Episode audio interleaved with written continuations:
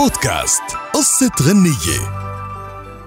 قصة أغنيتنا لليوم وحدة من أجمل ما غنى كاظم الساهر بمسيرته الفنية وبتحكي عن الألوان وبعنوان هذا اللون عليك يجنن وبيروي كاظم قصة هالأغنية وكيف طلعت وبيقول كنت بالأردن وكنت مستعد للذهاب لقضاء وقت مع أصدقائي اللي كانوا بانتظاري. وأول ما خرجت كنت لابس قميص والتقيت بسيدة قالت لي القميص حلو مثل لون عيونك.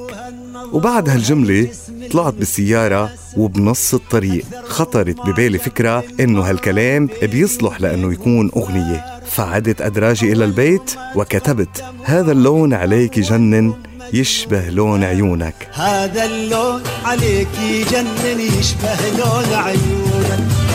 نظرات العالم ما تطمن احذر لي وبما انه كاظم ما راح لعند أصدقائه زعلوا منه وخاصة إنه أخل بالوعد.